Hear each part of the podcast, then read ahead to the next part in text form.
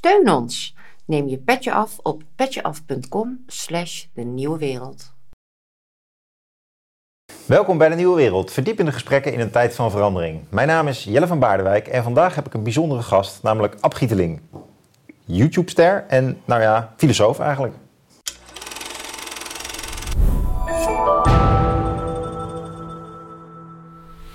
je bent wel een beetje een YouTube-ster, toch, Ab?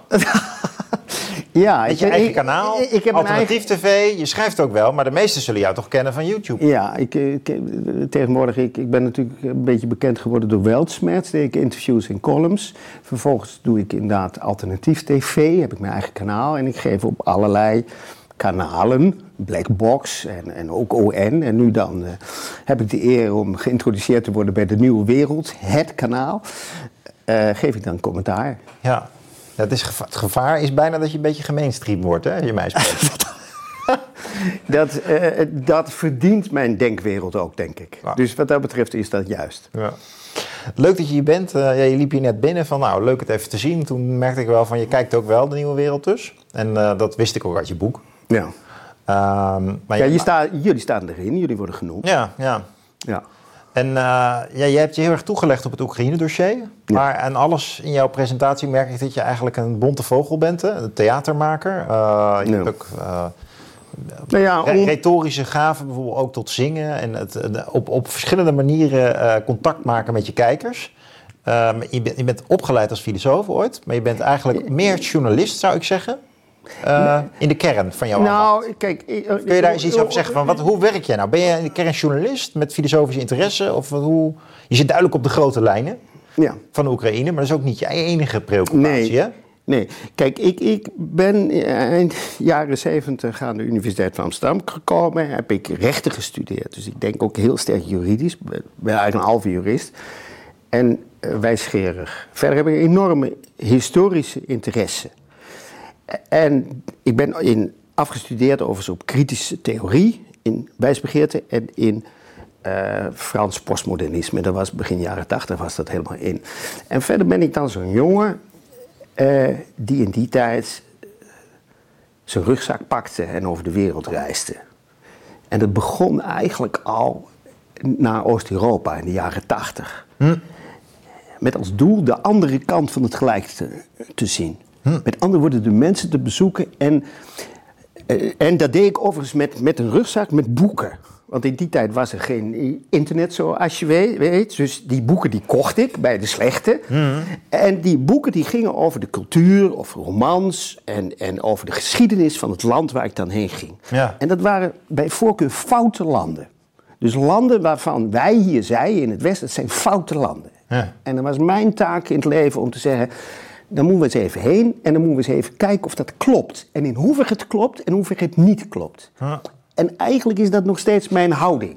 Dus een groot deel van wat er in de westerse media wordt gezegd klopt, maar een groot deel klopt ook niet. Ja. En mijn beschrijvingen gaan daarover. En dan kwam ik terug en dan schreef ik wel opinieartikelen, ook overigens wel voor de NRC en de Volkskrant en zo. Maar met name op een bepaald moment voor eh, eh, maakte ik theaterstukken. Dus ik ging in de jaren eh, 90 ging ik naar, naar Moskou en maakte een theaterstuk over Lenin en later over Yeltsin. Ik heb ook een In Moskou. Nee, niet in Moskou, Nee, nee, maar nee. ik, ik, ik- Ja, je- daar haalde je inspiratie van. ja, daar hadden we inspiratie Ja, Hm. ja, ja. vandaan. Ook de spullen die, die je daar dan kon kopen. Ik ging ook naar Irak tijdens de, tijdens de eh, eh, eerste Kuwait-oorlog, 1991. Oh, daar ben je ook geweest. Ben- Ja, ik ben, ben in alle foute landen geweest. En eh, dat was wel aardig. Ik, ik werkte toen in 1991 bij de Bali als programmamaker in, in, in, in Amsterdam. Ja. Deden wij interviews, ongeveer dit. Maar dan natuurlijk niet op sociale media, internet, want dat was er niet. En toen dacht ik, ja, ik moet ook nu eens... En dat was ook het begin van de vredesbeweging al. Dus ik was eigenlijk altijd tegen die oorlogen, die westerse eh, militaire eh, operaties. En toen moest ik zeggen, nou, ik, ik moet daar maar eens heen. Ja. En ik kreeg natuurlijk een visum op journalistieke basis. En ik ging toen naar Irak. Ja. En dat was het land van Saddam Hussein. Mensen zeiden ook wel, ben je helemaal gek, maar dat is levensgevaarlijk. Wat ga je daar doen? En toen zei ik, nou, Want die oorlog, even voor de context, dat is de oorlog die gevoerd werd naar aanleiding van 9-11 eigenlijk, hè? Dus... Nee, dat was daarvoor nog. Oh, je bedoelt, je bedoelt de, toch de ja, Kuwait. De Kuwait-oorlog. De, de Kuwait-oorlog. Ja, ja. En ehm, toen zei ik, nou, als ik naar de media kijk, dan is er eigenlijk maar één persoon die in Irak woont. En dat is Saddam. Maar ik heb ergens gelezen dat er nog 18 miljoen mensen wonen. Ja. Ga maar eens luisteren wat die ervan vinden. en toen kwam ik erachter natuurlijk dat Saddam veel meer steun had onder de gewone bevolking dan hier werd gezegd. En dat zelfs de mensen die tegen Saddam waren, die dat ook wel vertelden. Ja. Dat niemand natuurlijk zat te wachten op een westerse Maar help ons nog even, wat is het, het, het, het eh, mainstream narratief rond die eerste Irak-oorlog? Wat, wat gebeurde er Nou daar? ja, daar werd natuurlijk gezegd. Ze waren ook- Kuwait binnengevallen. Je waren Kuwait binnengevallen, maar Saddam was ook een monster. eh, die deed de meest verschrikkelijke Een dictator, dingen. ja. Dat was een dictator. Ja. eh, en deels was dat ook wel zo, maar het was ook een, ook een volksleider. Hm. En ik raakte in dat opzicht ook al geïnteresseerd in het fenomeen wat je noemt demonisering, vijandsbeeld. Dus wat je heel sterk Hm. eh, eh, toen zag in die tijd, waar, was het ontstaan van vijandsbeelden. Hm. Hè, bijvoorbeeld in dit geval de islam, Saddam Hussein, ten Hm. opzichte van het Westen, wat dan vrijheid en democratie en rechtsstaat was. Als ik dan even door mag vragen naar jou persoonlijk, hè? want in, eh, toen jij studeerde had je dus gewoon nog Oost-West verschil. Ja. De- dus was het vijandsbeeld toen in, jij, in jouw studietijd al wel dat, je, eh, dat- dat de communisten... Jij zat aan, eh, aan de UvA, dus het was misschien niet zo eh zwart. Nee, in, in, in maar, mijn... in- maar het, het echte denken in vijand- vriend-vijand blokken... Dat, ik associeer dat juist ook met die oorlog, met de Koude Oorlog. ja, zeker. Kijk, ik en jij zegt nu geboren- van dat komt dan op in die Irak-oorlog... maar dat is dan toch eigenlijk een doorvertaling. Nee, dat is waar. Dat, kijk, Je ziet, ben het ook, je ziet ook heel sterk in Oppenheimer trouwens. Ik weet niet of je hem al gezien hebt, maar je ziet Ja, ook heel, heel sterk die, die, die spanning tussen vriend en vijand. Zeker. Eerst met de nazi's, dan met het Oostblok, dan met Irak, Ja, zeker. zeker. Japan. Ja, nee, daar ben ik het mee eens. Kijk, ik ben geboren in het hart van de Koude Oorlog. En ik ben geboren met het idee: je hebt de good guys, dat zijn wij, en je hebt de bad guys. En mijn idee, als kind al, dacht: Goh, wat zou er toch aan de andere kant van het ijzeren gordijn zijn? Wat zou er toch aan de andere kant van de muur zijn? Als ik later groot ben, dan pak ik, pak ik mijn rugzak en ga daar kijken en praten. En kijken hoe in werkelijkheid zit. En dat heb ik ook gedaan. En daar ben ik gewoon tien jaar geweest, heb ik over geschreven. En op een bepaald moment, eind jaren tachtig, ging naar de Sovjet-Unie. Ja, die Koude Oorlog was er. Klopten de beelden? Ja, enigszins wel, maar enigszins niet.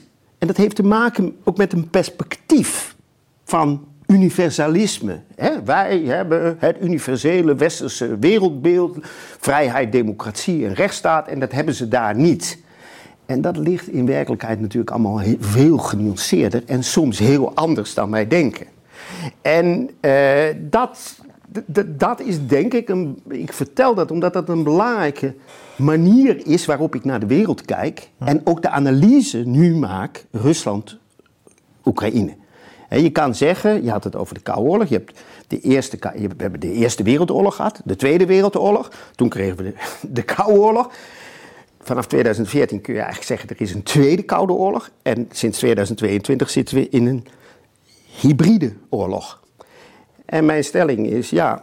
Wat bedoel je met hybride? Dat is een term die Nou- als valt in de krijgskunde. Nou, hybride is eigenlijk dat het Westen is een oorlog begonnen. Althans, je kan zeggen, die Rusland is die oorlog begonnen naar Oe- Oekraïne. Maar Rusland heeft het Westen nooit aangevallen. Wij hebben Rusland aangevallen. Dat is de, de pijnlijke werkelijkheid, maar dat zien we niet. En hoe hebben we dat gedaan? Maar wacht even, dus die, die, die, die, eh, die hybride term, ik vroeg dat omdat ik... eh, kijk, want je hebt ook zo'n term proxy war. Hè? Dan eh, zeg je eigenlijk van... dan is de stelling van Amerika vecht via het Oekraïnse volk een oorlog met Rusland. Ja, Eh, en hybride oorlog dacht ik, be- be- bedoel je Nee, hybride is hele verschillende aspecten. Dus je kan zeggen, we hebben een propaganda-oorlog. hè. Ja. Ik, ik, ik, ik lees Ja. het NRC Handelsblad, dat doe jij ook vast.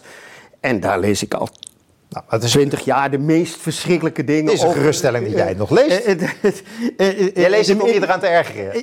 Nou, ik ben er ook mee opgehouden, want ik, ik kan er niet meer tegen. Omdat Oh. het allemaal zo vooringenomen is en zo eenzijdig. Ja, ben je zo en, zo, dat is één aspect. Het tweede aspect is dat we een westerse embargo-oorlog zijn begonnen. Ja. Nee, maar dan hebben we, we zitten dezelfde het lijn. Dus de de- oorlog... derde is natuurlijk die wapenleverantie. Ja, ja. Ja, dat is de echte oorlog. De, kan, je, kun je zeggen. Maar de eh, hybride bedoel je dus ook een informatiestroom en een Ja. economische aanval Ja, ja, ja. gaande. Oké, nu- nu, nu verder meteen eh, naar de inhoud. Want jij suggereert eigenlijk van eh, Rusland is aangevallen. Kun je, dat, kun je dat eens onderbouwen? Nou ja, kijk, Rusland. Kijk, het is ook een escalatieproces. Hè? Het is niet zo heel simpel. Rusland is aangevallen en Rusland die verdedigt zich. Ah, het is een escalatieproces. Ja. En dat zie je bij heel veel oorlogen. En dat heeft niet te maken met personen, met Poetin. Dat zijn hele grote structuralistische bewegingen die in de geschiedenis plaatsvinden. En waar ik natuurlijk zeg. Ja, dit hebben we in de Eerste Wereldoorlog ook gezien, op dezelfde manier. In de aanloop naar de Tweede Wereldoorlog, eh, eh, naar de Koude Oorlog. En we maken dezelfde fouten eh, eh, weer. Hè? De l'histoire de- eh, noemen de Fransen dat. En de vraag die ik altijd stel bij l'histoire se répète is: waarom herhaalt de geschiedenis zich? Ja. Maar En het antwoord is: omdat we te weinig geleerd hebben. Ja, over nu- de NAVO. Nee, nee, nee, nee, sorry. Want je, je ontwikkelt de gedachtegang en ik heb nog op andere ophelderingsvragen. Wat is nou volgens jou exact de parallel tussen de Eerste Wereldoorlog en de oorlog nu tussen Rusland en Oekraïne? En, en tussen Rusland en het Westen daarmee? Wat, wat is de parallel precies? Want ik vind het ook... Ik bedoel, je hebt bijvoorbeeld die, die Clark die zegt van... eh, eh, in het boek Sleepwalkers... Van, eh, eigenlijk zijn we de Eerste Wereldoorlog door elkaar ingerommeld. met een soort, eigenlijk een soort oorlogsenthousiasme. K- Kijk, weet je we, we, we weten niet wat we deden eigenlijk. Nee, We- we- we weten niet wat we en, deden. en, en er zaten ook allerlei over, projecties van vijandsbeelden in. Maar, maar is, dat, is dat het vergelijkingspunt? Nee, er is nog een ander vergelijkingspunt: tunnelvisies. Sla, hè, dat boek heet niet voor niks tunnelvisies. Ja. Het heet niet complot, je het heet boek, tunnelvisies. Eh, eh, met andere woorden, we weten niet goed wat eh, we staan te doen, maar er zit nog, nog een heel ander aspect in. Dat is die associaties. Met andere woorden, er was niet een individueel land. Die landen zaten aan elkaar. Je had de geallieerden en je had de centralen. Ja? Dus de grootmachten, de Russen, de Fransen, de, de Britten zaten aan elkaar vast. De Amerikanen kwamen daarbij. De Duitsers, de Oostenrijkse Hongaren en de Ottomanen zaten ook aan elkaar vast. En, en die gingen die Eerste Wereldoorlog in. En dat begon een beetje, dat begon in Sarajevo. eh, met de moordaanslag eh, van, eh, van een Servische nationalist principe op de eh, Oostenrijks-Hongaarse troonpretendent. Maar dat liep helemaal uit de hand. En dat is geëindigd in loopgravenoorlogen met tientallen miljoenen doden. Nou, nou, dat is ook een overeenkomst, hè? Loopgraven. Met Ja. niet tientallen miljoenen doden, maar wel honderdduizenden. Ja, nou, tienduizenden. Ik ben wat Ja? Ja, maar dat is weer een ander verhaal. Ja. Dat vind ik een moeilijk verhaal. Ja. Maar ik, ga, ik ben wa- wat die inschattingen van die slachtoffers betreft natuurlijk ook wat conservatiever in de zin van dat ik uitga over wat er wordt toegegeven. Niet wat allerlei mensen beweren. Wat dat betreft ben ik iets feitelijker. Ik, ik, al die speculaties eh, heb ik wat moeite mee. Van beide kanten overigens. E- een van de dingen is het Westen roept, oh, er zijn 80.000 doden. Het Oekraïne roept dat en het Instituut voor Warfare. Maar dat weten ze allemaal niet. De enige die dat echt weet, is het Russisch ministerie van Defensie. En het enige die weet hoeveel slachtoffers daar aan de Oekraïnse kant zijn, is het ministerie van Defensie in Oekraïne. En Oké, eh, Ab, nee, even... even nee, eh, eh, Hoe zijn van jou, hoe, kom, hoe, kom, hoe, kom- hoe zeg jij nou eigenlijk dat, dat er een wederzijdse escalatie is waardoor dit conflict... Want kijk, het, het, het narratief is natuurlijk Rusland valt Oekraïne binnen... Hè? Ook wel een beetje geplaagd doordat eh, de NAVO naar eh, Rusland toe kroop, kro- kroop. Maar Rusland maakt dat in eh, haar narratief veel groter dan het Westen. Maar wat, wat bedoel jij eigenlijk met dat die aanval Nou, op Oekraïne nou, ook uitgelokt is? Kun je, kun je dat... La- la- laat ik schetsen. Mijn generatie is getekend door Gorbachev, de val van de muur, de komst van Gorbachev. En de man die in staat was om de nieuwe vrede in Europa tot stand te brengen. Berlijn 1990. Er, zijn, o- er is overleg. Er zijn afspraken gemaakt. De NAVO zou blijven bestaan, maar zou niet oostwaarts oprukken. Daar is toen al aan, aan eh, gemorreld. Dat is in 1999 is de eerste eh, eh, golf, Tsjechië, Hongarije, Polen. In 2004 de tweede golf, de Baltische Staten, Roemenië, Bulgarije en andere. En dat is bedreigend. Poetin, maar ook Yeltsin hebben verklaard dat ze, omdat ze wel aanzagen dat die NAVO oostwaarts oprukt, dat zij graag wel deel wilden worden van die NAVO. In mijn tijd was het zo dat de critici de NAVO afgeschaft wilden hebben. De NAVO op. En toen, toen zei ze: Ja, maar wa- wa- wat, willen we dan met die Nou, Rusland moet ook maar deel worden van de NAVO. Dan kunnen we lekker samen tegen de Chinezen. Ik zeg: Nou, volgens mij zie ik dat ook niet zitten. Ja? Zo praten mensen toen. Maar het was voorbij. Ja, we nou, maar- dachten dat het voorbij was. Maar het is nog veel sterker, want volgens mij is het niet eens zo heel lang geleden dat eh, Macron de eh, NAVO eh, hersendood verklaarde. Dus ook toen was het nog zo van, nou, het is, het is een soort zombie. Ja, maar goed, de NAVO krijgt Was het nu, inmiddels wel- nu natuurlijk helemaal nieuwe vitaliteit en nieuw leven. En de NAVO is gericht op expansie. Dat beseffen mensen niet. Maar de NAVO, dat zijn keurige mensen, aardige mensen op de foto. En die zijn, dat is een defensieve eh, alliantie. Nog even waar, waar het fout ging. In 2007 is voor het eerst door Poetin gezegd... Eh, Oekraïne en ook Georgië is de rode lijn. En waarom is dat de rode lijn? Omdat daar in oosten en zuiden en ook in Noord-Georgië hele grote groepen Russisch-talige, Russisch-gezinde mensen worden die eigenlijk bij de Russische Federatie willen. En dat betekent dat die landen uit elkaar gescheurd worden. En dat is precies wat er ook is gebeurd na de burgeroorlog in 2014. De, de, de Fransen en de Duitsers hebben dat begrepen. En die hebben dat ook volgens mij in Boekarest bij de NAVO-bijeenkomst afgeschoten. Dus die hebben die uitbreiding van de NAVO met Oekraïne geblokkeerd. Op dat moment. In t- 2000, eh, eh, maar de Amerikanen zijn doorgegaan. En toen is er in 2013, om even gewoon de geschiedenis te pakken, is dat vermaledijde eh, EU-Oekraïne-associatieverdrag gekomen. Wat de toenmalige president, Russisch-Oekraïnse president Yanukovych niet wilde tekenen. Daar is, is toen die Maidan demonstratie die maandenlang duurde met steun van het Westen opgepleegd. En dat was, is een coup gepleegd. De Maidan-revolte, die in de geschiedenis staat als de Maidan-revolte, was een Maidan-coup. Waarom was het een coup? Omdat de Russisch-Oekraïnse president Yanukovych met geweld is verdreven. Daar wordt ervan gezegd, die was corrupt. 100 parlementariërs, met name Russisch-Oekraïnse parlementariërs, erachteraan. Dat was dus een illegale coup d'etat. Als het omgekeerde was geweest, was dit deel van de wereld te klein geweest. Hadden we gezegd, het is een coup, het is een coup. Ja? Maar ja, de media reageert, de media reageert gewoon eenzijdig.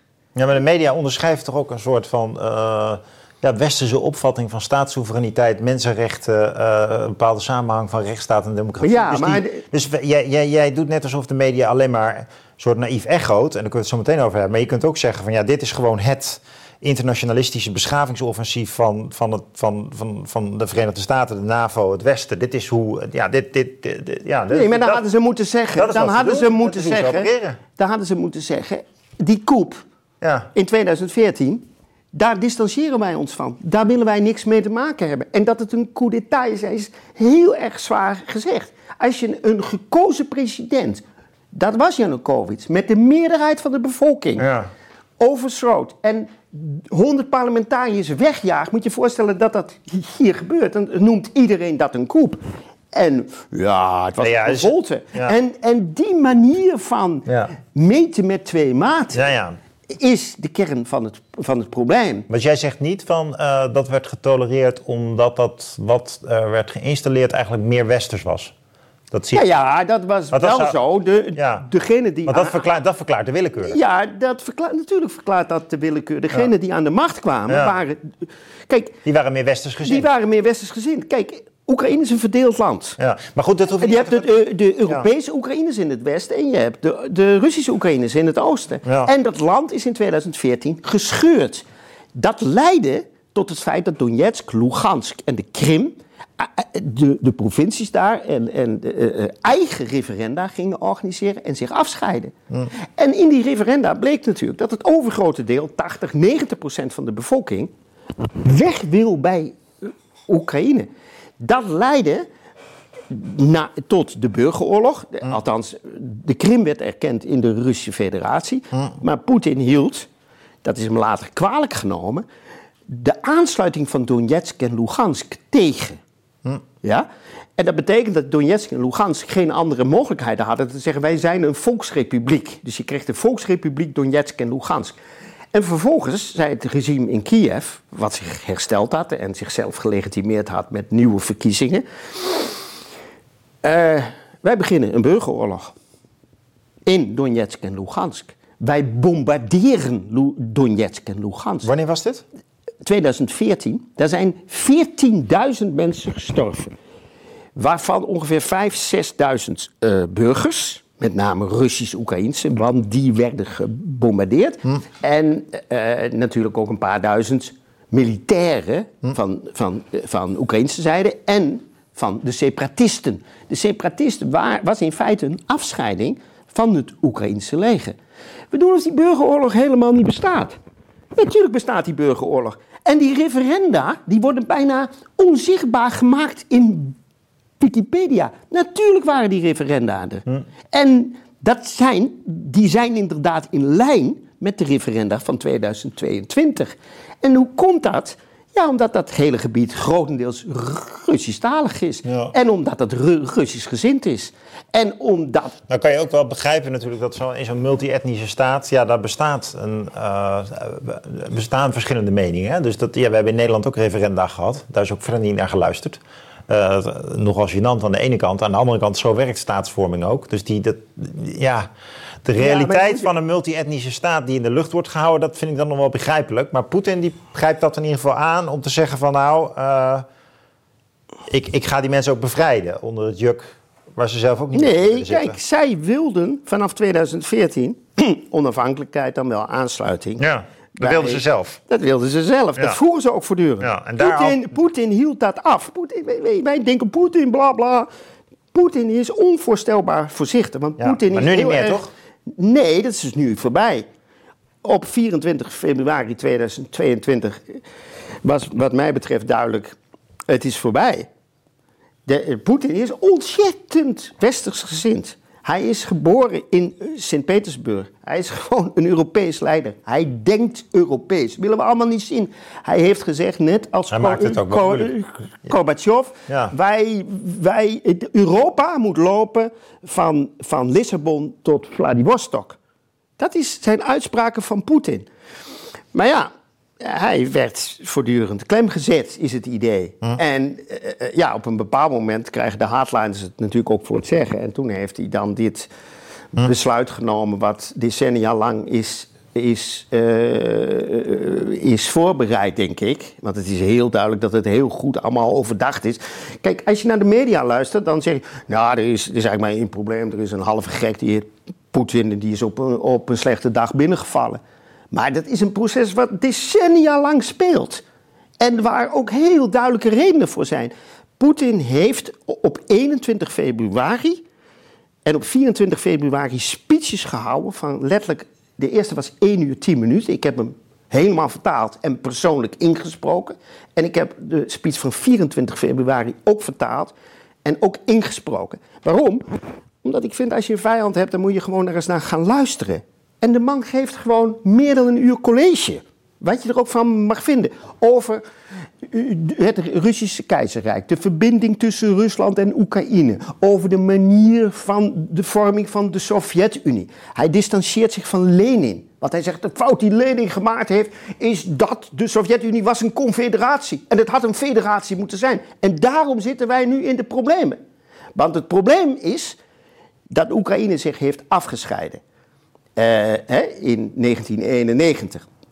Dat, dat kan je zeggen. Kijk, Oekraïne he, heeft zich afgescheiden, maar was ook een, een broos evenwicht tussen de Oost, Oost-Oekraïners en de West-Oekraïners. Mm. Maar op het moment dat je natuurlijk een coup d'état pleegt en de Russische Oekraïners gaat discrimineren en uitsluit, ja, dan is het voorbij. Nou ja. Dan moet je zeggen, en dat is de enige oplossing. Enige oplossing voor dit conflict. Het is voorbij, het is klaar. We moeten een scheidingsregeling maken. Dus okay, even... Met andere woorden, ja. Oekraïne moet worden opgedeeld. Ja. In een Russisch-Oekraïns gedeelte en een Europees-Oekraïns gedeelte. Opdeling is onafwendbaar. Nou ja, eh, Denk Het ik. zou, het zou ook nog heel goed kunnen dat ze heel Oekraïne overnemen, toch? Dus dat er geen opdeling komt. Ja, maar dan, dan krijg je een. Kijk, eh, Maar eh, eh, eh, Poetin, Medvedev, Lavrov, al die mensen hebben voortdurend gezegd: nee, wij willen Oekraïne helemaal niet overnemen. En de verhalen van meneer Rutte en weet ik wie, ja, ze willen de hele, de hele Europa of, of de oude Sovjet-Unie herstellen. Allemaal, allemaal sprookjes, voor een groot deel leugens. Ze zeggen, je moet goed luisteren naar wat ze zeggen. Zij zeggen, wij willen Donetsk en Lugansk bevrijden. Wij willen erkenning van de Krim. Dat zijn Russisch gezinde gebieden. Wij willen Oekraïne respecteren. Dat kan allemaal blijven bestaan. Dat willen wij niet. Wij zouden wel graag willen dat Oekraïne neutraal blijft. Dus geen deel wordt, ah, niet vol wordt gestopt met Amerikaanse wapens. Zoals sinds 2014 gebeurt en ook nu op grote schaal gebeurt. Overigens nog even... Maar dus, wacht even. Ja? Dus mijn openingsvraag was van... hoe kijk jij nou naar de oorzaken van het conflict? Toen zei je, je moet het vergelijken met de Eerste Wereldoorlog.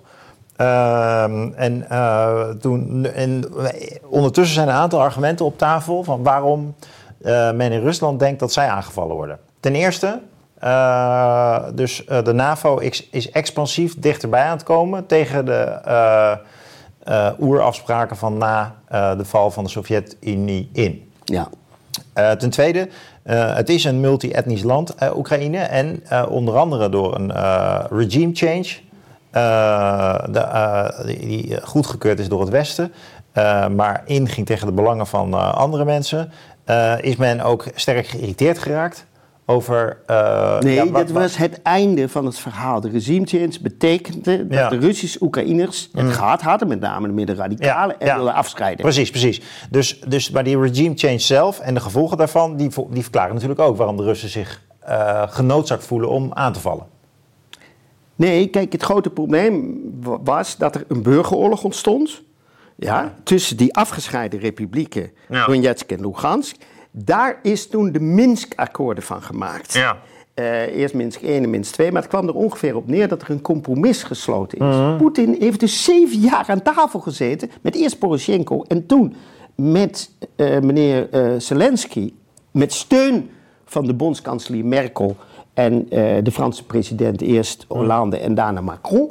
En die heeft gezegd, ik wil de, de Minsk-akkoorden uitge- uitgevoerd hebben. Wat zijn de Minsk-akkoorden? De Minsk-akkoorden was een erkenning van het feit dat die twee volksrepublieken formeel deel bleven van Oekraïne, maar volledige autonomie kregen.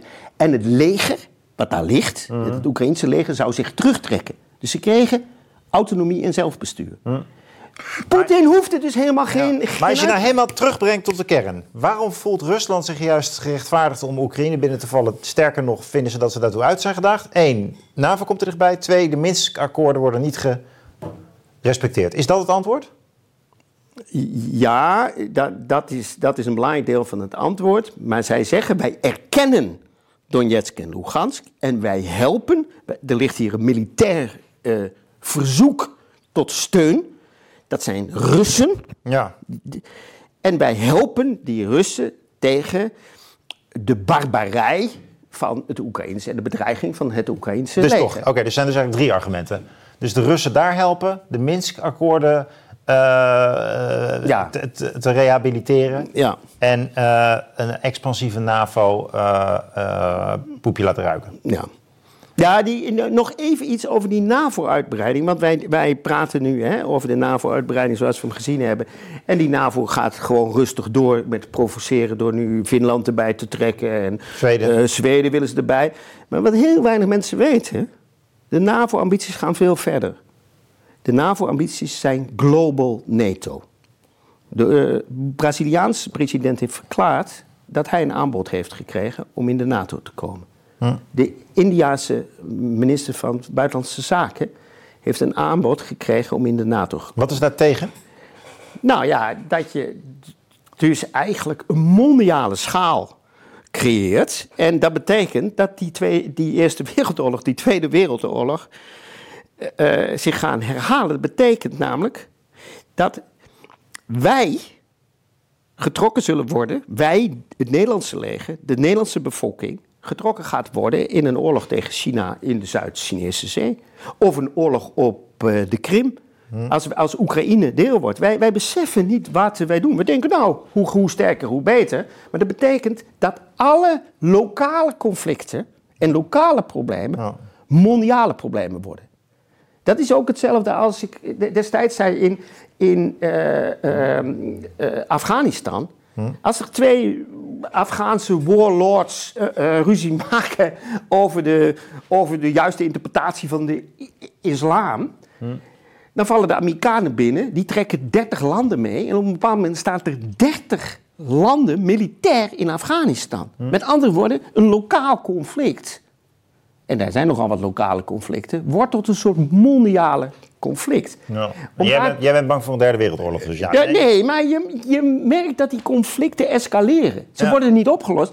Het een van de. Dit, misschien toch ook nog iets over die militaire operaties die we dan hebben gezien, waar ik dan ook geweest ben in Irak, Syrië en Afghanistan. eh, Afghanistan. Wij komen daar. En dan zeggen we, wij zijn vrijheid en democratie en, en rechtsstaat en we gaan die mensen helpen. Er is één vraag die voortdurend niet gesteld wordt. Wat vinden die mensen er zelf dan van? Ja, we vallen daar binnen en op een bepaald moment blijkt dat die mensen niet met bloemen aan de weg staan. Nee, het probleem is, wij zijn helemaal geen bevrijdingsleger, wij zijn een bezettingsleger. De harde werkelijkheid is, dat hebben we allemaal niet zo bedoeld, maar dat is wel de harde werkelijkheid geweest. We zijn eh, Afghanistan binnengevallen, er zijn tienduizenden doden gemaakt. We hebben de hele economie gevloerd. We hebben praktisch gezien de bevolking daar onderdrukt. En we riepen, ja... Maar die onderdrukking van de Taliban daar, dat is helemaal voor jou geen... Nee, maar dat is, is geen hun realiteit. probleem. Ja, ja. Dat is natuurlijk een, wel een probleem, vind ik. Ja. Maar dat is iets wat ook op het microniveau plaats moet vinden. De eh, Afghaanse vrouwen die willen wellicht wel gaan werken. En die willen misschien niet meer met een ding. Dat is een emancipatieproces wat plaats moet vinden. Wat hier met de vrouwenemancipatie de laatste honderd jaar ook heeft plaatsgevonden. Moet daar ook plaatsvinden. Kun je daarbij helpen? Ja, maar niet militair. En niet op die wijze. Je kan niet een land binnenvallen en zeggen... nou, we gaan even eh, de vrouwen bevrijden. Allemaal kletskoek. Allemaal leugens. En dat wij die media hier... Ja, die, die selecteert, die kleurt, die manipuleert... en die schept een beeld van de werkelijkheid... en de oorzaken van die werkelijkheid... wat heel weinig met die werkelijkheid van doen heeft. En... En die, Maar je hebt, je, hebt, je hebt helemaal geen vertrouwen meer in die mediaverslaglegging. Hè? Waar, kun je, is het, Nee, wat, maar- is- wat is voor jou... Was het dat jij in Afghanistan was of dat je eh, In Irak. eh, in Irak was? En dat je, dat, was dat voor jou een soort punt waarop je dacht van... Wat, er, wat ik hier zie, dat komt niet overeen met de verslaglegging... en de foto's die ik in de Nederlandse kranten zie? Of waar kun je, kun je eens ons meenemen naar jouw sceptisch over die mediaverslaglegging? Waar, waar, Kijk, het heeft te maken... en welk die- moment dacht jij van, hè, dit klopt niet? Nee, maar dat, dat, het is natuurlijk gegroeid al van kind toen ik eh, opgroeide in de sfeer van de Koude Oorlog. Kijk, het punt is dat je kan niet zeggen dat allerlei feiten niet kloppen. Een heleboel feiten, ook die in de media staan, kloppen. Maar de context waarin die feiten worden gepresenteerd is gemanipuleerd. Dat is ook mijn wijsgerige inslag. Dus je, je ziet dat het perspectief, het paradigma, als je het naar een wetenschapsfilosofische ding, Tunnelvisies. ja, ja, je zit in die tunnelvisies en vervolgens zit je ook in manipulaties. Dus je krijgt het, ik, ik geef je een klein voorbeeld. De Zaporizhia kerncentrale, ja, waar we daar nog even over hebben. Ja? De Zaporizhia kerncentrale ligt aan de zuidkant van eh, de Dnieper. Die is vanaf het begin, vier dagen na de militaire operatie, noemen ze hem daar, onder controle van de Russen. Vervolgens wordt dat ding een paar maanden later beschoten. Die Russen zitten erin. Wie heeft dat nou gedaan? De maanmannetjes of zo? Nee, natuurlijk niet. De Oekraïners. Dat weten we allemaal best wel. Maar je mag geen kritiek hebben op de Oekraïners. Want de media staat aan de kant van de Oekraïners. Dat zijn de good guys. Dus wij hebben geen kritiek op de Oekraïners. Dus ja, wat zeggen we dan in de media? Ja, eh, de Oekraïners draaien namelijk alles op de kop. Ze liegen, ze bedriegen, ze manipuleren. Dat doen ze. Dat, heet, dat heet PR. Dus ze zeggen, ja, de Oekraïners beschuldigen de Russen. En de Russen ontkennen. Letterlijk gezien klopt dat. Dat is inderdaad zo. de Oekraïners beschuldigen de Russen, de Russen ontkennen. Maar iedereen begrijpt, als je nadenkt, logisch nadenkt, begrijp je dat het onzin is. En dat geldt, dat gebeurt voortdurend. Dat gebeurde ook bij de Kakovka-dam, dat gebeurt ook op Nord Stream. Dan weet je niet, dan je, zit je bij te kijken. Ik denk, ik, ik geloof het niet. Dus ik zeg niet dat Ja, media... Neem, neem, dat, neem dat voorbeeld van die Nord Stream eens, dat, dat boeit me wel. Wat, wat, wat- in, in de lens van eh, wat Ja, nee, wij kijk, voor verhaal voorgeschoteld krijgen en waar jij van zegt, dat klopt allemaal wat er staat, maar je moet het anders interpreteren. Want dat is jouw punt steeds, hè? Van, Ja, nee, kijk, er zit een Noord- in de interpretatie van de feiten. Ja, ja. Laten we eerst eens kijken, wat is de achtergrond van Nord Stream? Ja? Nord Stream is niet alleen een economisch project, is een politiek project. Is de brug tussen Duitsland en Rusland. Nou, als er iets fout is gegaan in de laatste honderd jaar... is de relatie tussen Duitsland en de Sovjet-Unie dan wel Rusland. Met de Eerste Wereldoorlog, de Tweede Wereldoorlog, de Koude Oorlog. Dus onder andere Schreuder en Poetin hebben bedacht... we maken Nord Stream. We zijn economisch afhankelijk van elkaar. En wij verdienen geld door geurgas te verkopen... en jullie hebben goedkoop gas en daar draait de halve industrie over. De enigen die het daar niet mee eens waren, waren de Oekraïners en de Polen. Want die, wilden hun, die hebben hun eigen lijnen naar Duitsland en verdienden daar ook geld op. Maar ook de Amerikanen niet. Want die roepen, die Duitsers die zijn aan onze zijde. Die bezetten wij nog steeds. Hè? Er zijn 100 militaire bases in Duitsland. Er zijn hon- meer dan 100 Amerikaanse militaire bases in Japan. Er zijn 750 militaire bases over de gehele wereld. Dat is het Pax Americana. Dat is de Amerikaanse hegemonie. Terug naar Nord Stream. Maar waarom noem jij dat bezetting? Dat is toch in het... In het... Nou, dat is, zal ik je zeggen. Die, er is dus een inperking van hun soever- soevereiniteit. Ja, dat Dan zijn gebeurt- gewoon stukjes Amerika bedoel je? Nou, ja, dat zijn stukjes Amerika. Maar Ameri- Duitsland heeft niet de volledige vrijheid om Nord Stream te doen. Dus wat gebeurt er? Dan, zeg ik je, dan vertel ik je letterlijk wat er gebeurt. Amerika is tegen Nord Stream. Want ja, dat maakt? Duitsland afhankelijk van Rusland. En vervolgens, je zou in een normale wereld denken, Duitsland beslist dat. Ja? Dat gaat zo ver. Er is een bedrijf, dat is een Nederlands bedrijf, multinational, Allseas, die legt die pijpleidingen. Ja? Er wordt een nieuwe Nord Stream 2 gelegd, 50% in handen van Gazprom, 30% in handen van eh, gasbedrijven in Duitsland, 10% bij onze gasunie. Nederlands bedrijf Allseas legt dat. Die krijgt gewoon een brief van het Amerikaanse Witte Huis. U stopt hiermee of u komt op de zwarte lijst. Wij chanteren gewoon de hele zaak. De Amerikanen chanteren gewoon de hele zaak. Dus dat bedrijf, eh, Marie-Therese heeft mij gezegd dat ze de brief persoonlijk gezien heeft. Ja, want die werd uitgenodigd door de directeur van Allseas. Ehm, dan, dan krijg je dus dat die Amerikanen, die willen dat, dat niet. Op september 2021 is dat ding klaar. De Russen vullen hem met gas. Ja? De Duitsers draaien de kraan niet open. Waarom niet? Omdat de Amerikanen dat niet willen. Op 7 februari 2022, ja? twee weken voor de inval van de invasie van de Russen, is meneer Scholz is op bezoek bij meneer eh, Biden. En die zegt op een persconferentie, meneer Biden, die zegt op een persconferentie, als de Russen binnenvallen, is er geen Nord Stream 2. Dan wordt het stil bij die journalisten. En het is er een Duitse journaliste, die, die kunt het terugvinden. die, zegt gewoon, die, die zegt gewoon... Ja, maar meneer, meneer Biden, hoe kunt u dat zeggen? Dat staat toch onder controle van de, Rus, van de, van de Duitsers? Dan wordt het weer even stil, zegt hij... Believe me, we can do it. Letterlijk. Ik denk, jezus. Oké, zo gaat het. We make them an offer they can't refuse. Ehm, meneer Scholz staat daarbij. Die weet zich geen houding te geven. Die wordt gewoon afgedroogd door Biden. Dan juni 2022. De Russen zijn binnengevallen. De NATO doet openlijk een oefening ten oosten van Denemarken, bij Bornholm.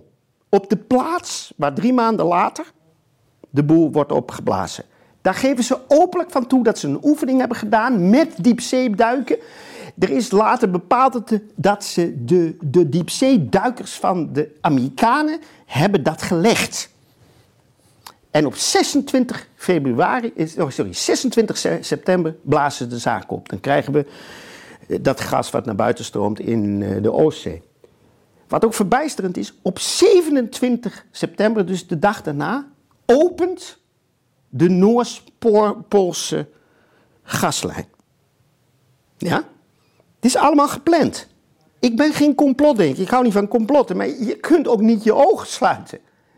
Je kunt niet je ogen sluiten voor de eh, harde feiten. En eh, eh, dan, dan, ja, dan wordt er dwaalsporen gelegd. En wat natuurlijk pijnlijk is, iedereen weet het. Natuurlijk weet meneer Scholz dat. Natuurlijk weet mevrouw van der Leyen dat. Natuurlijk weet mevrouw, meneer Macron. Iedereen zwijgt. Iedereen zwijgt, want Amerika heeft dit gedaan. Amerika heeft haar punt gemaakt. Amerika heeft haar grens getrokken. De hardliners hebben het voor het zeggen. De oorlog moet door en iedereen zwijgt. Duitsland gaat zich aanpassen. En waarom denk jij dat Amerika dit wil? Ook, ook met het oog op eh, eh, de oplossing van die oorlog. Van waarom zit Amerika er eigenlijk zo fel in? Ja, dat is een interessant. wat- wat- wat is- eh, het is een interessant Wat is idee. het motief? Sommige mensen zeggen, bijvoorbeeld Pien van der Hoef, hè, de, eh, heeft een boek geschreven, een mooi boek over het militair-industrieel complex. Ja. Die zegt eigenlijk, er is gewoon een groep hardliners eh, met belangen en die willen eigenlijk oorlog voeren. En dat, dat zie je steeds terug. En je zou haar hypothese kunnen doortrekken en zeggen van ook hier is er een, ehm, een, een, een groep eh, machtige mensen die, die, die belang hebben bij conflict. En dat is het eigenlijk. Het is niet olie of graan of nee, het is niet een soort van verhouding tot China. Nee, het is gewoon ook een oorlogsmachinerie. Ja, maar dit Dat is, is een verklaring, hè? Ja, het is dat. En die kun, je, die kun je opladen met, eh, met, met, met, met- Er zijn heel veel principes, eh principe-argumenten. Bijvoorbeeld is dat eh, Ja, ja, in het Amerikaanse zelfbewustzijn, vooral aan de kant van zeg maar, de, de democratische elite, is ook een soort bevrijdingsnarratief eh, sterk. Ja, dus dat ja. komt er dan ook nog bij. En dan zou je toch een soort mix van ideologie en gewoon eh, de, de militairen aan de gang houden. Maar ja, Wij noemen dat in, in het wat- neomarxisme heette dat de onderbouw. Hè? De, Ja. de economische onderbouw en de bovenbouw. Ik ben natuurlijk een beetje een bovenbouwdenker, tunnelvisies. Ja. Met andere woorden, ik denk dat dat narratief eh, heel belangrijk is. Ik denk dat heel veel mensen er ook in geloven in dat narratief. Hm. Ik denk ook dat men vindt dat men dat zo moet doen. En wat je dus ziet, in die NAVO, die expandeert. Ja? Hm. Maar die NAVO doet helemaal geen moeite tot vrede. Vrede maken doe je niet door meer vrienden te verzamelen. Hè? Vrede maken doe je met je vijanden. Vrede maken doe je niet met je vrienden, maar met je vijanden. Als je vrede wil maken, dan moet je met de Russen om tafel gaan zitten. maar zit er iets Amerikaans in die NAVO hierin? Of is dat de NAVO zelf? Is een tweede de factor. Amerikanen zijn de belangrijkste macht binnen de NAVO. Er zijn een aantal hardliners, de Britten zijn daar ook belangrijk in. Ja. Eh, de Nederlanders, de Polen. Eh, meneer Rutte zegt gewoon open, hij heeft er eigenlijk geen ene moer mee te maken. Zegt, deze oorlog is onze oorlog. Wij leveren de zwaarste wapens. Maar pak die tunnelvisie dan nog eens uit, die bovenbouw. Wat, wat is het dat die, waar- waarom zit die blikvernauwing in het perspectief van de NAVO en Amerikanen als het niet, niet zomaar belangen zijn? Wat, wat, wat, wat is het dan wel? Hoe komt die. eh, wat, Nou ja, wat, men- wat, wat zijn de fixaties daarin? Nou, de, de fixatie is ook wel het voortdurende idee: wij zijn vrijheid, democratie en rechtsstaat. Ja? En dat waren we in de koloniale tijd ook al, hè? Waren we ook vrijheid en democratie. Dat beseffen mensen niet. nou, dat was toen ook de ideologische verantwoording van. ja. van Ja, wij waren namelijk de beschavende factor. En wij waren in Indië, in de Atje-oorlog, bezig om terroristen, Ja. Islamfundamentalisten eronder te houden, want die bedreigden de gewone bevolking. En daarom moesten wij die gewone bevolking in, eh, in, in de kolonie Nederlands-Indië beschermen. Het is dezelfde soort ideologie. Je ziet dezelfde soort praxis terugkomen. Het is hetzelfde soort denken wat in Afghanistan, Irak en Syrië speelt. Dat is dus een soort idee. We hebben universele waarden, die vertegenwoordigen wij en de rest niet. Nou, een van de dingen die ik op mijn reizen heel sterk geleerd heb, is dat de tolerantie van de gewone bevolking, ook van landen waarvan wij zijn, die zijn heel erg intolerant. Iran bijvoorbeeld. Ja?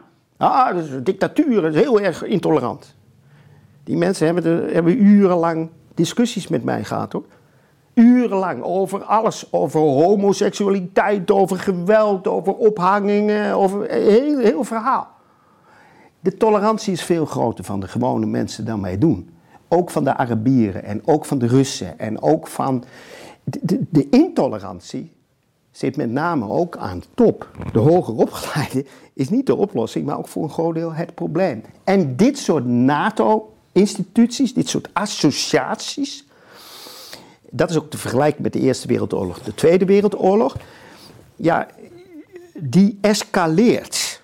Een lokaal conflict wordt een mondiaal conflict. Want we zitten allemaal aan elkaar vast. Dus het idee is, ja, er is eigenlijk een probleem in Russisch Oekraïne. Waar horen Lugansk en Donetsk bij? In plaats van dat je zegt, ja, wat vindt de bevolking er zelf van? Misschien moeten ze er eens over stemmen of misschien moeten we daar eens over praten. Nee, dat doen we niet. We escaleren het hele conflict en wij vinden, althans meneer Rutte vindt dat, maar allerlei landen vinden dat, dat wij daar weet ik wat allemaal moeten verdedigen. En dat leidt niet tot een oplossing, dat escaleert het probleem. De NATO is grotendeels ook niet de oplossing, maar de escalatie van het probleem. Hm. En, uh, dus jij zegt ook van hoe realiseren we vrede in Oekraïne? Dus dat heeft juist te maken met een meer bescheiden, meer bescheiden NAVO?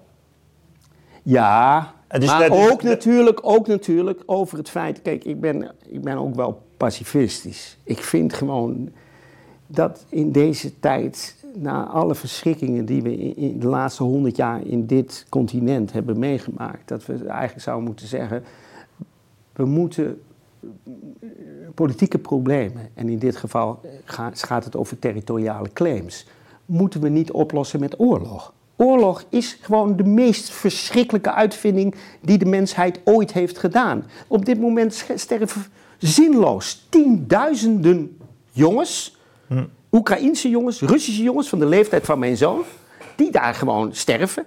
Op dit moment dat je ook realiseert waar Oekraïne. Oekraïne is bezig zichzelf te vernietigen. Ja? Vrijheid en democratie heeft er niks mee te maken. Meneer, uh, Zelensky heeft van het begin van de oorlog gezegd: alle oppositiepartijen die gevaarlijk zijn, worden bij deze verboden. Elf oppositiepartijen zijn verboden. De oppositieleiders zijn opgepakt, in de gevangenis gestopt. Een, de grootste oppositieleider was Medvedchuk, die al tientallen jaren daar in het Oekraïense politiek bestel zit. Die wordt gevangen gezet, wordt tenslotte uitgeruild. Daar zegt de NOS van, want die bouwt alleen maar na wat de Oekraïnse propagandamachine allemaal vertelt. Ja, dat was een van corruptie beschuldigde zakenman, vriendje van Poetin. Staat letterlijk. Nee, hij was de oppositieleider ook. Hij was parlementariër, hij was fractieleider. Ja? En hij vertegenwoordigde het Russisch-Oekraïnse deel. Hij, maar ook allerlei andere mensen. Hm. De, alle onafhankelijke media is de mond gesnoerd de, in, in in Oekraïne. Het is alleen maar het narratief pro-nationalisme, pro-oorlog. Het hele idee. Vluchtelingen hebben dat zelf tegen mij ook gezegd. Ook kritische Oekraïnse journalisten hebben dat gezegd. Oekraïne is feitelijk nu een totalitaire staat. Punt.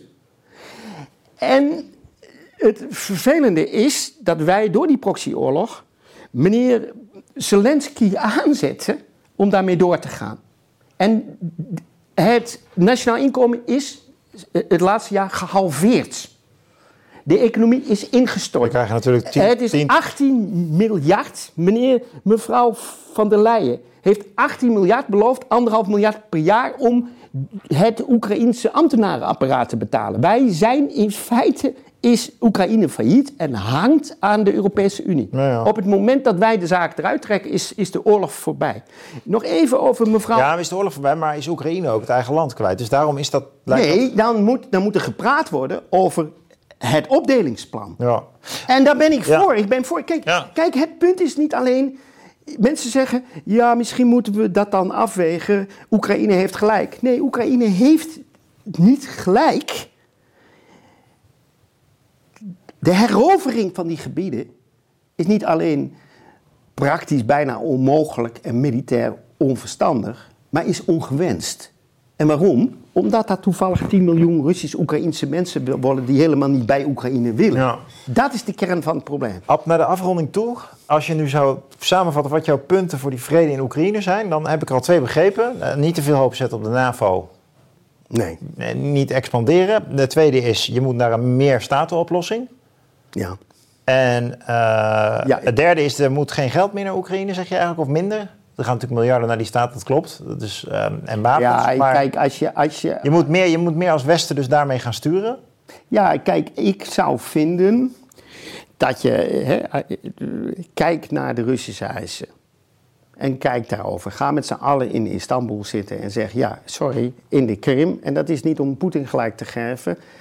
Ik vind redo het referendum, zoals ook Elon Musk zegt. Ja. Donetsk, Lugansk, Zaporizhia en Gerson. En van mij part de Krim moeten zelf kunnen beslissen. En jij denkt dat de Russen hiermee akkoord gaan?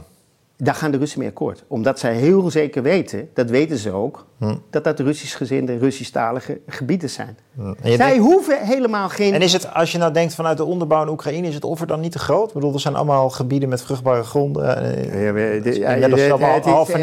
het is als Oekraïne een toekomst nog wil hebben, dan zal ze moeten afsplitsen. Dit is wat het gebeurt. En dan heb je misschien ook dat ze betere relaties met eh, Europa. Want ze, bedoel, ze, ze, ze zou, het beste zou natuurlijk zijn als ze ook hun economische relaties met Rusland zouden kunnen herstellen. Dat is gewoon die honderden jaren zich gevormd. Ze zijn ook qua olie en gas volledig eh, afhankelijk. Dat is dus hun belang ook. Nog even over dat laatste punt wil ik ook maken. Eh, Waarom gaat dit nou voortdurend mis?